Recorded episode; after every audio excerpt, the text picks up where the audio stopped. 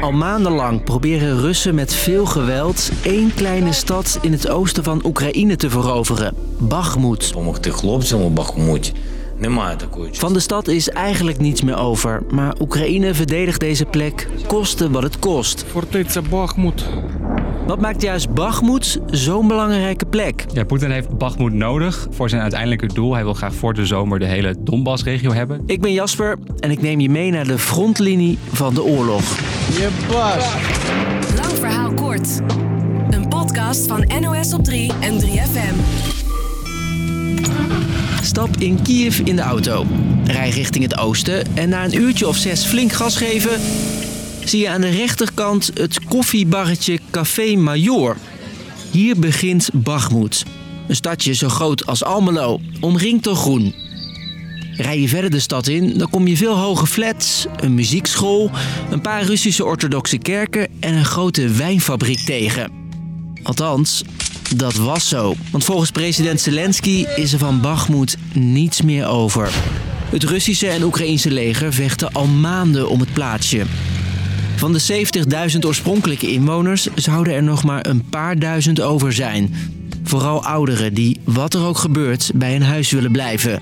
En dat is niet zonder risico. De gevechten vinden echt in de straten van Bakhmut zelf plaats. Dus om iedere flat, om iedere woonblok wordt gevochten. Je hoort mijn collega Giem Baldoek, die de oorlog nauwlettend volgt. Ja, een militair die ik een tijdje geleden over gesproken had, die omschreef het als een soort Call of Duty. En, en dat is het ook eigenlijk. Het, alles is oorlog daar in die stad. Dus elke hoek kan een gevecht opleveren.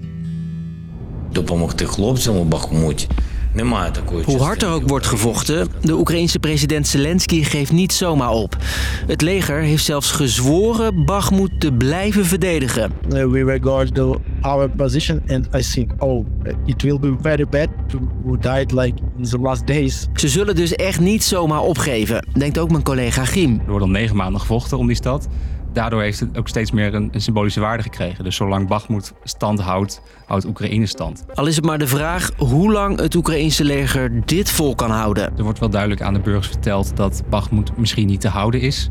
Maar dat ze er alles aan zullen doen om Bakhmut te houden. En dat de prijs voor Rusland zo hoog mogelijk moet zijn. Bakhmut is nu door de Russen zo goed als omsingeld. I was really scared because I understand that like you can die any moment in Bakhmut. En die gevechten gaan er volgens Giem bruut aan toe. Daar aan het front vecht vooral de Wagner-groep. Dat is een apart bedrijf met huurlingen die dus niet met het leger verbonden is, maar er wel mee samenwerkt. En die Wagner-groep die huurt bijvoorbeeld eh, gevangenen. Die worden met weinig voorbereiding en slechte spullen naar het front gestuurd. Dus dan gaat het bijvoorbeeld om vijf of tien militairen die alleen met, met een eenvoudig wapen, maar gewoon die stad insluipen. En echt het enige wat zij moeten doen is zoveel mogelijk slachtoffers eh, aan de Oekraïnse zijde creëren. En daarna komt het Russische leger daar nog eens overheen met hun professionele wapens. Waarom vecht Poetin zo hard om juist deze stad in handen te krijgen? Dit is een klein stadje wat tussen allerlei heuvels ligt. Die moet je hebben om vervolgens door te kunnen stoten naar de rest van de Donbass. Dat zijn de twee provincies in het oosten van Oekraïne. En je kan alleen die provincies in handen nemen als je deze horde Bakhmut weet te, te, te winnen. Dat Rusland al maanden hard moet vechten voor Bakhmut, dat kan een voordeel zijn voor de rest van de oorlog. De inschattingen van militair analisten is wel dat als Rusland die stad eenmaal in handen heeft, dat het leger dan zo erg beschadigd is dat ze de komende weken, misschien wel maanden, niet meer een groot offensief kunnen beginnen. Maar dat geldt volgens Schiem ook voor Oekraïne. We kunnen er wel van uitgaan dat dit natuurlijk ook wel een fikse deuk zal zijn op het Oekraïense leger.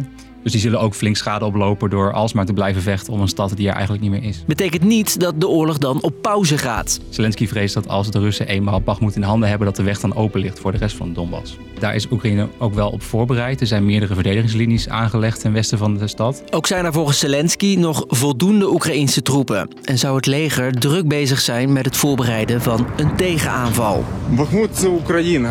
Slava natie. Dus, lang verhaal kort.